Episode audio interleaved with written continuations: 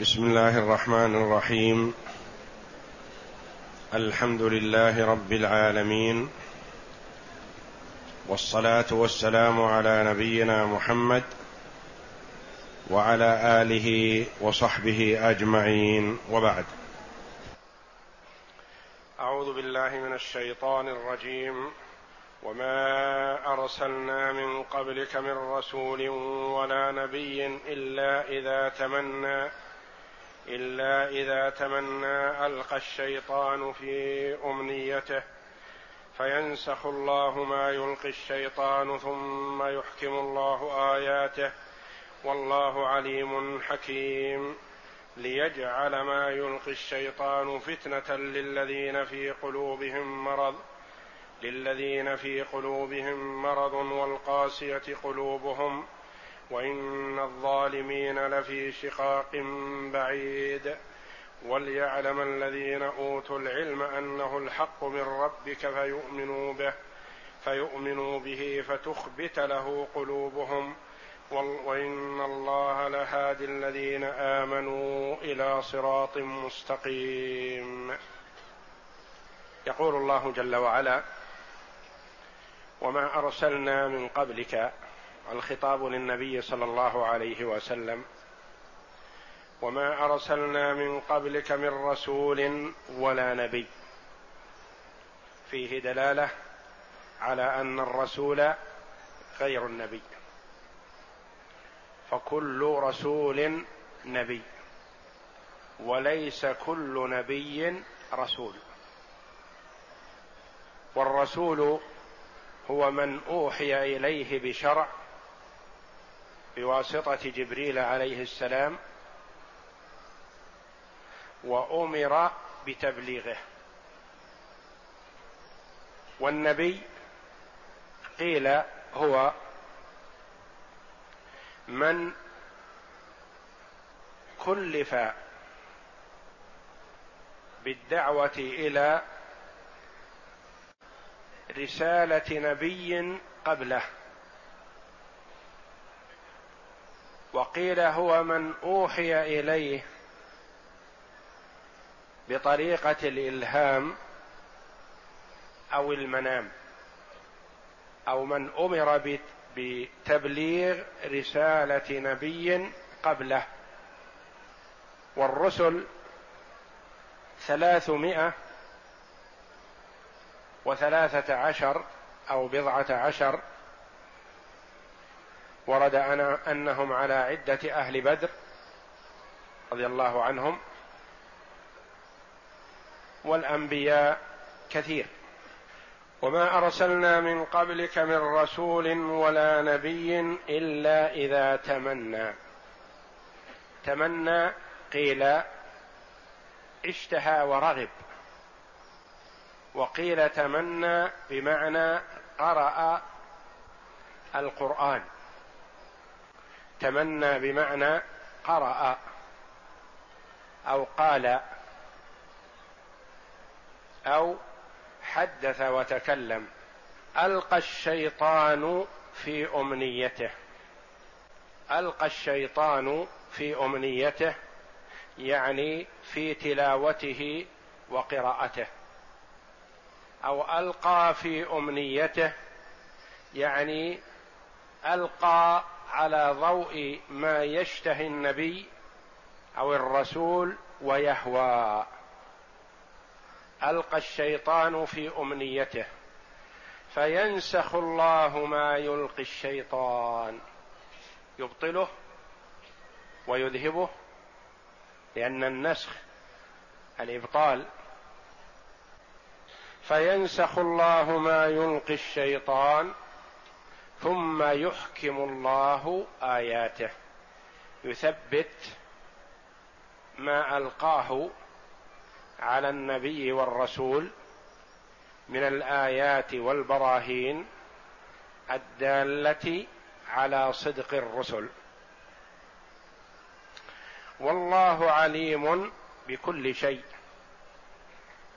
لا تخفى عليه خافية. حكيم يضع الأشياء موضعها. يهدي جل وعلا من يصلح للهداية ويضل من لا يصلح للهداية. ليجعل ما يلقي الشيطان فتنة. الله جل وعلا يمتحن الخلق بما يراه مناسبا. ليظهر رأي عين من ينجح في هذا الامتحان ومن يخفق. والله جل وعلا عليم بما العباد عاملون قبل أن يخلقهم. ويعلم جل وعلا من يصلح للهداية ومن هو سيعمل بطاعته ويعلم جل وعلا من لا يصلح لذلك ولا يعمل بطاعة الله قبل أن يخلق الخلق. ليجعل ما يلقي الشيطان فتنة يضل بها طائفتان من الناس بينهم جل وعلا بقوله للذين في قلوبهم مرض والمرض هو الشك والنفاق. فتنة يفتن بها هذا الصنف وهم المنافقون الذين آمنوا بألسنتهم ولم تؤمن قلوبهم. فهم يفتتنون بالفتن. وكما ورد أن الفتن تعرض على القلوب. فمن القلوب من يقبل الفتنة ويتشربها ويضل بها. ومنهم من تزيد في إيمانه صلابة وقوة ولا يتضرر ولا يتأثر بالفتنة. للذين في قلوبهم مرض والقاسية قلوبهم. النوع الثاني هم القاسية قلوبهم وهم الكفار. الذين لا يقبلون المعروف ولا يعرفون معروفا ولا ينكرون منكرا. وقد أشربت قلوبهم حب الشرك والضلال والعياذ بالله ولا ينفع فيهم دعوة ولا بلاغ. والقاسية قلوبهم وإن الظالمين وهم هذان الصنفان المنافقون والكفار. لفي شقاق بعيد. لفي شقاق يعني خلاف ومعاندة بعيد كل البعد عن الصواب. وليعلم الذين أوتوا العلم هؤلاء الصنف الثالث الذين لا تضرهم الفتنة ويخرجون منها بسلام ونجاح واطمئنان بزيادة إيمانهم وإقبالهم على طاعة الله.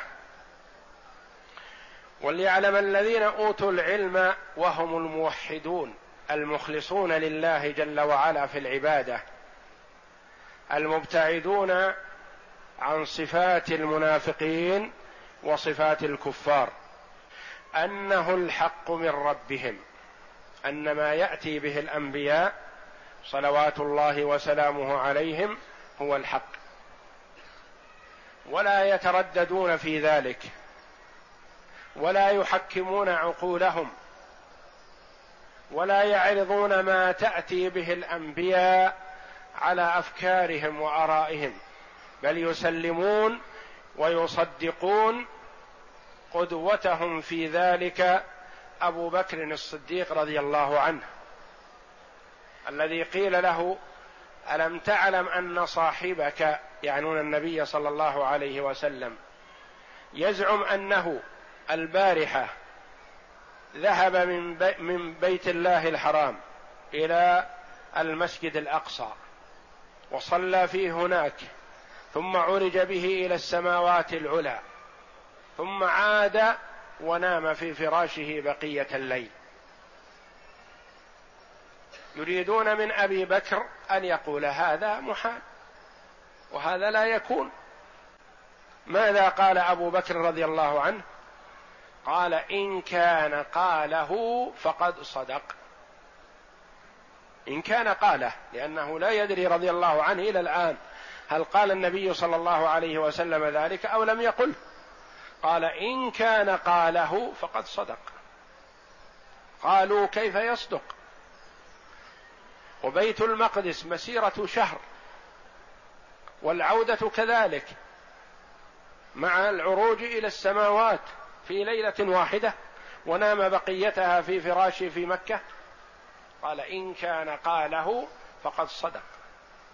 ومن يومها لقب أبو بكر رضي الله عنه بالصديق لأنه صدق النبي صلى الله عليه وسلم في كل ما يقول. وهكذا المؤمن إذا عرض عليه أمر مما جاءت به الرسل صلوات الله وسلامه عليهم صدق من أول وهلة ولا يحكم عقله في ذلك أو ينظر هل يكون أو لا يكون. وما كان لمؤمن ولا مؤمنة إذا قضى الله ورسوله امرا أن يكون لهم الخيرة من أمرهم. وليعلم الذين أوتوا العلم التوحيد والقرآن والمعرفة والإيمان أنه الحق من ربهم أن ما تأتي به الرسل صلوات الله وسلامه عليهم أجمعين هو الحق. فيؤمنوا به يصدقوا تصديقا جازما لا تردد فيه ولا شك. فتخبت له قلوبهم تخشع. وتخضع وتنقاد وتستسلم ولا تتردد في ذلك. وإن الله لهادي الذين آمنوا إلى صراط مستقيم. يهديهم الله جل وعلا إلى الصراط المستقيم الذي فيه النجاة والسعادة. وهذه الهداية هداية الدلالة والإرشاد وهداية التوفيق والإلهام فهي من الله جل وعلا فهو يهدي الذين آمنوا يوفقهم لسلوك الصراط المستقيم الموصل إلى رضوانه وجنته. وعند هذه الآية الكريمة في قوله جل وعلا وما أرسلنا من قبلك من رسول ولا نبي إلا إذا تمنى ألقى الشيطان في أمنيته. يورد بعض المفسرين رحم الله الجميع رواية رويت بغير سند ثابت عن ابن عباس رضي الله عنهما. نوردها مع أنها غير ثابتة ولكن لنذكر ما قال العلماء رحمة الله عليهم نحو هذه الرواية التي لم يثبت سندها وليست بصحيحة لا نقلا ولا معنى. لا في النقل ولا في المعنى والعقل فلا يصدق بها. وخوفا من أن يجدها بعض الإخوة مسطرة في بعض التفاسير فيظن أنها حق فيقبلها وهي بعيدة كل البعد عن الحق. وإليك بيانها. قال ابن عباس وغيره هذا نسب إلى ابن عباس رضي الله عنه والمؤلف هنا رحمه الله وهو الخازن ردها ردا جيدا لكن أراد أن يأتي بالرواية كما رويت في بعض التفاسير. قال ابن عباس وغيره من المفسرين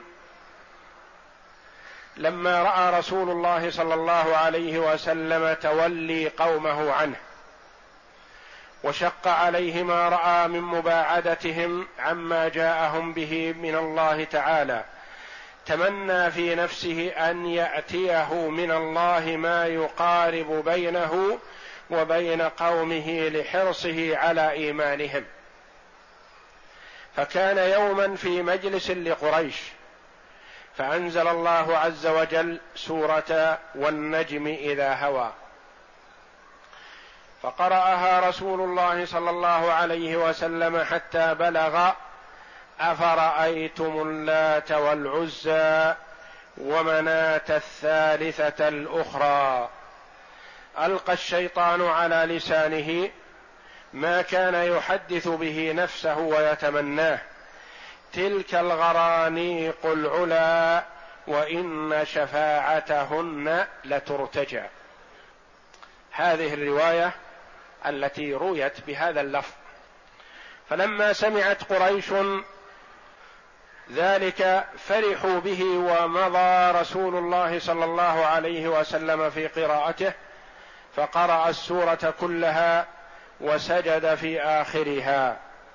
وسجد المسلمون بسجوده وسجد جميع من في المسجد من المشركين فلم يبق في المسجد مؤمن ولا كافر إلا سجد. غير الوليد ابن المغيرة وأبي أحيحة سعيد بن العاص فإنهما أخذا حفنة من البطحاء ورفعاها إلى جبهتيهما وسجدا عليها. لأنهما كانا شيخين كبيرين. فلم يستطيعا السجود وتفرقت قريش وقد سرهم ما سمعوا من ذكر آلهتهم وهم يقولون قد ذكر محمد آلهتنا بأحسن الذكر. وقالوا قد عرفنا أن الله يحيي ويميت ويرزق ولكن آلهتنا هذه تشفع لنا عنده فإن جعل لها محمد نصيبا فنحن معه. فلما أمسى رسول الله صلى الله عليه وسلم أتاه جبريل فقال يا محمد ماذا صنعت؟ لقد تلوت على الناس ما لم آتك به عن الله. عن الله تعالى فحزن رسول الله صلى الله عليه وسلم حزنا شديدا وخاف من الله تعالى خوفا كبيرا. فأنزل الله تعالى هذه الآية يعزيه وكان به رحيما وسمع بذلك من كان بأرض الحبشة من أصحاب النبي صلى الله عليه وسلم وبلغهم سجود قريش وقيل قد أسلمت قريش وأهل مكة فرجع أكثرهم إلى عشائرهم وقالوا هم أحب إلينا حتى إذا دنوا من مكة بلغهم أن الذي كان يحدث به من إسلام أهل مكة كان باطلا فلم يدخل أحد منهم إلا بجوار أو مستخفيا. فلما نزلت هذه الآية قالت قريش ندم محمد على ذكر على ما ذكر من منزلة آلهتنا عند الله فغير ذلك وكان الحرفان اللذان ألقى الشيطان على لسان رسول الله صلى الله عليه وسلم قد وقعا في فم كل مشرك فازدادوا شركا شرا إلى ما كانوا عليه وشدة على من أسلم. هذه الرواية المنقولة في بعض كتب التفسير والمحققون من المفسرين رحمهم الله ردوها وبينوا الخطأ فيها وأن فيها خطأ فاحشا وأنها ملفقة وملحقة. قال بعض المفسرين دسها بعض الزنادقة على على الناس وروجوها وظنوا أنها صحيحة وهي باطلة من أصلها. وقوله جل وعلا وما أرسلنا من قبلك من رسول الرسول هو الذي يأتيه جبريل بالوحي عيانا ولا نبي النبي هو الذي تكون نبوته إلهاما أو مناما. فكل رسول نبي وليس كل نبي رسول. ومعنى تمنى كما تقدم هو اشتهى ورغب أو تلا. وتفسيرها بالتلاوة أولى. تفسيرها بالتلاوة أولى لقوله جل وعلا يعلمون الكتاب إلا أماني وإن هم إلا يظنون. فأماني بمعنى تلاوة. أي لا يعلمون الكتاب إلا أماني. لا يعرفون الكتاب هذا عن عن أهل الكتاب بأن الكثير منهم لا يعرف الكتاب إلا قراءة فقط بدون فقه. وقول حسان رضي الله عنه في عثمان بن عفان رضي الله عنه حينما قتل تمنى كتاب الله أول ليلة وآخرها لاقى حمام المقادر. تمنى كتاب الله بمعنى قرأ كتاب الله. يقول المفسر رحمه الله هنا ردا على هذه القصة وهذه الرواية المروية عن ابن عباس وأنها لا تصح عن ابن عباس ولا عن غيره من علماء التابعين رضي الله عنهم وأرضاهم. فإن قلت قد قامت الدلائل على صدقه وأجمعت الأمة يعني الرسول صلى الله عليه وسلم هذا هو الصحيح. قد قامت الدلائل على صدقه وأجمعت الأمة فيما كان طريقه البلاغ أنه معصوم فيه من الإخبار عن شيء منه بخلاف ما هو به. لا هو لا لا قصدا ولا عمدا ولا سهوا ولا غلطا. يعني الرسول صلى الله عليه وسلم اولا من حيث الأدلة اولا أنه لا يمكن أن يأتي هذا الكلام على لسانه. تلك الغرانيق العلا وإن شفاعتهن لترتجع. لأن هذا غلط فاحش وهذا كفر. ولا يمكن أن يأتي الكفر على لسان محمد صلى الله عليه وسلم لأنه معصوم من الخطأ. قد يقول قائل إنه قد يسهو. ألم يسهو في الصلاة؟ فيصلي الرباعية ثلاثا؟ قلنا نعم. سهى عليه الصلاة والسلام وتقدم إليه أحد الصحابة ذو اليدين وقال له يا رسول الله أقصرت الصلاة أم نسيت؟ قال ما نسيت وما قصرت. قال بلى قد نسيت.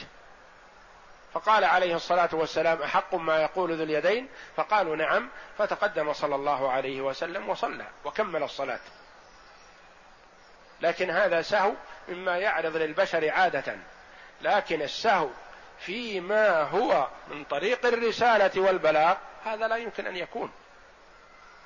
لأنه لو قلنا إن هذا ممكن أن يكون لتطرق هذا إلى كثير من الأحكام التي جاءت عن رسول الله صلى الله عليه وسلم وقلنا محتمل أن هذا ما هو الصحيح وإن هذا سهو من الرسول صلى الله عليه وسلم وهذا كفر وضلال. يقول المؤلف رحمه الله قال الله تعالى وما ينطق عن الهوى الرسول صلى الله عليه وسلم في تبليغه الرسالة ما ينطق عن الهوى ولا يمكن أن يبلغ بشيء خطأ ابدا. وقال تعالى لا يأتيه الباطل من بين يديه ولا من خلفه تنزيل من حكيم حميد. فكيف يجوز الغلط على النبي صلى الله عليه وسلم في التلاوة وهو معصوم منه؟ قلت ذكر العلماء عن هذا الإشكال أجوبة. أحدها توهين أصل هذه القصة وذلك أنه لم يروها أحد من أهل الصحة ولا أسندها ثقة بسند صحيح أو سليم متصل وإنما رواها المفسرون والمؤرخون المولعون بكل غريب المنفقون من الصحف كل صحيح وسقيم. والذي يدل على ضعف هذه القصة اضطراب رواتها وانقطاع سندها واختلاف ألفاظها فقائل يقول إن النبي صلى الله عليه وسلم كان في الصلاة وآخر يقول قرأها وهو في نادي قومه وآخر يقول قرأها وقد أصابته سنة أي نعاس. وآخر يقول بل حدث نفسه بها فجرى ذلك على لسانه وآخر يقول إن الشيطان قالها على لسان النبي صلى الله عليه وسلم وإن النبي صلى الله عليه وسلم لما عرضها على جبريل قال ما هكذا أقرأتك إلى غير ذلك من اختلاف ألفاظها. والذي جاء في الصحيح جاء في صحيح البخاري ومسلم في موضوع هذه القصة من حديث عبد الله بن مسعود. أن النبي صلى الله عليه وسلم قرأ النجم قرأ والنجم فسجد فيها وسجد من كان معه غير أن شيخا من قريش أخذ كفا من حصى أو تراب فرفعه إلى جبهته قال عبد الله فلقد رأيته بعد قتل كافرا الذي هو الوليد بن المغيرة. أخرجه البخاري ومسلم. وصح من حديث ابن عباس أن رسول الله صلى الله عليه وسلم سجد بالنجم. وسجد معه المسلمون والمشركون والجن والإنس. رواه البخاري. فهذا الذي جاء في الصحيح لم يذكر فيها أن النبي صلى الله عليه وسلم ذكر تلك الألفاظ ولا قرأها. والذي ذكره المفسرون عن ابن عباس في هذه القصة فقد رواه عنه الكلبي وهو ضعيف جدا. فهذا توهين هذه القصة. الجواب الثاني وهو من حيث المعنى. ذاك توهين لها من حيث السند وهذا توهين لها من حيث المعنى وهو أن الحجة قد قامت بالدليل الصحيح وإجماع الأمة على عصمه النبي صلى الله عليه وسلم ونزاهته عن مثل هذه الرذيلة وهو تمنيه أن ينزل عليه مدح إله غير الله أو أن. أو أن يتسور عليه الشيطان ويشبه القرآن حتى يجعل في فيه ما ليس منه حتى نبهه جبريل عن ذلك. فهذا كله ممتنع في حقه صلى الله عليه وسلم. قال الله عز وجل ولو تقول علينا بعض الأقاويل لأخذنا منه باليمين ثم لقطعنا منه الوتين. الآية. الجواب الثالث عن هذه القصة في تسليم وقوع هذه القصة وسبب وجود الكفار. أن النبي صلى الله عليه وسلم كان إذا قرأ يرتل القرآن ترتيلا ويفصل الايه تفصيلا كما صح عنه في قراءته. فيحتمل أن الشيطان ترصد لتلك السكتات فدس فيها ما اختلقه من تلك الكلمات محاكيا لصوت النبي صلى الله عليه وسلم فسمعه من دنا منه من الكفار فظنوها من قول النبي صلى الله عليه وسلم فسجدوا معه لسجوده. فأما المسلمون فلم يقدح ذلك عندهم لتحققهم من حال النبي صلى الله عليه وسلم ذم الأوثان وعيبها وأنهم كانوا يحفظون السورة. وأنهم كانوا يحفظون السورة كما أولها الله عز وجل الجواب الرابع في تحقيق تفسير الآية وقد تقدم.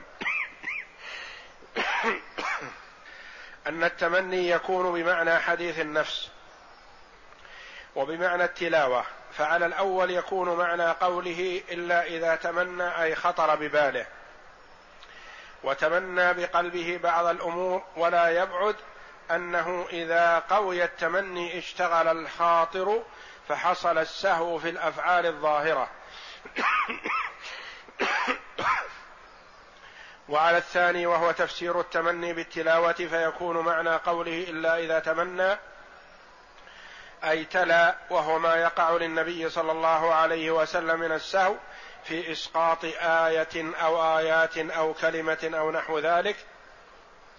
ولكنه لا يقر على هذا السهو بل ينبه عليه ويذكر به في الوقت والحين كما صح في الحديث لقد أذكرني كذا وكذا آية كنت أنسيتها من سورة كذا. والحاصل أن هذه هذه القصة المختلقة التي قالوا عنها إنه ألقي على لسان النبي صلى الله عليه وسلم قوله تلك الغرانيق العلا وإن شفاعتهن لترتجى عند قوله اللات والعزى ومناة الثالثة الأخرى. هذه قصة مختلقة غير صحيحة ردها العلماء المحققون. و والواقع والحقيقة أنه إن كان حصل سجود الكفار والمشركين ولم يتكلم بذلك النبي صلى الله عليه وسلم ولم يجري على لسانه صلى الله عليه وسلم إلا الحق. والله أعلم. وصلى الله وسلم وبارك على عبده ورسول نبينا محمد وعلى آله وصحبه أجمعين.